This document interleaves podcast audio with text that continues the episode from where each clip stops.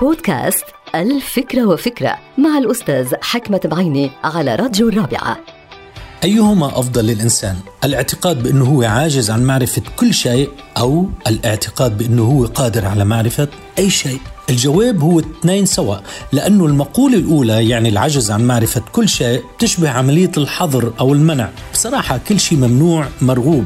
أما المقولة الثانية القدرة على معرفة كل شيء تشبه عملية السماح اللي بتحث الإنسان على القيام بعمل ما لأنه هذا العمل منطقي ومعقول ومقدور عليه. بالحالتين يستنفر الإنسان عقله ويبدأ في استكشاف المجهول للوصول إلى الحقائق اللي بيسعى للوصول إليها. وهذا الاستنفار بيؤدي إلى عملية بحث واستكشاف واستنباط على كافة الأصعدة ويجعل من هذا الإنسان باحثا وعالما مميزا يبحث عن الحقائق من دون أن يدري ما إذا كان قادرا أو عاجزا عن معرفة كل شيء. وطبعا هذا سر من أسرار الحياة، حيث لا معنى للإنسان أن يتساءل عما إذا كان يعرف أو لا يعرف أنه قادر أو عاجز عن القيام بعمل ما، لأنه بالحالتين سيقوم بهذا العمل كنتيجة حتمية لمقولتين رائعتين الأولى تقول بأنه كل شيء ممنوع هو مرغوب والمقولة الثانية بتقول بأنه كل شيء معقول هو مقدور عليه. يعني بصراحة الفكرة هي هناك حتمية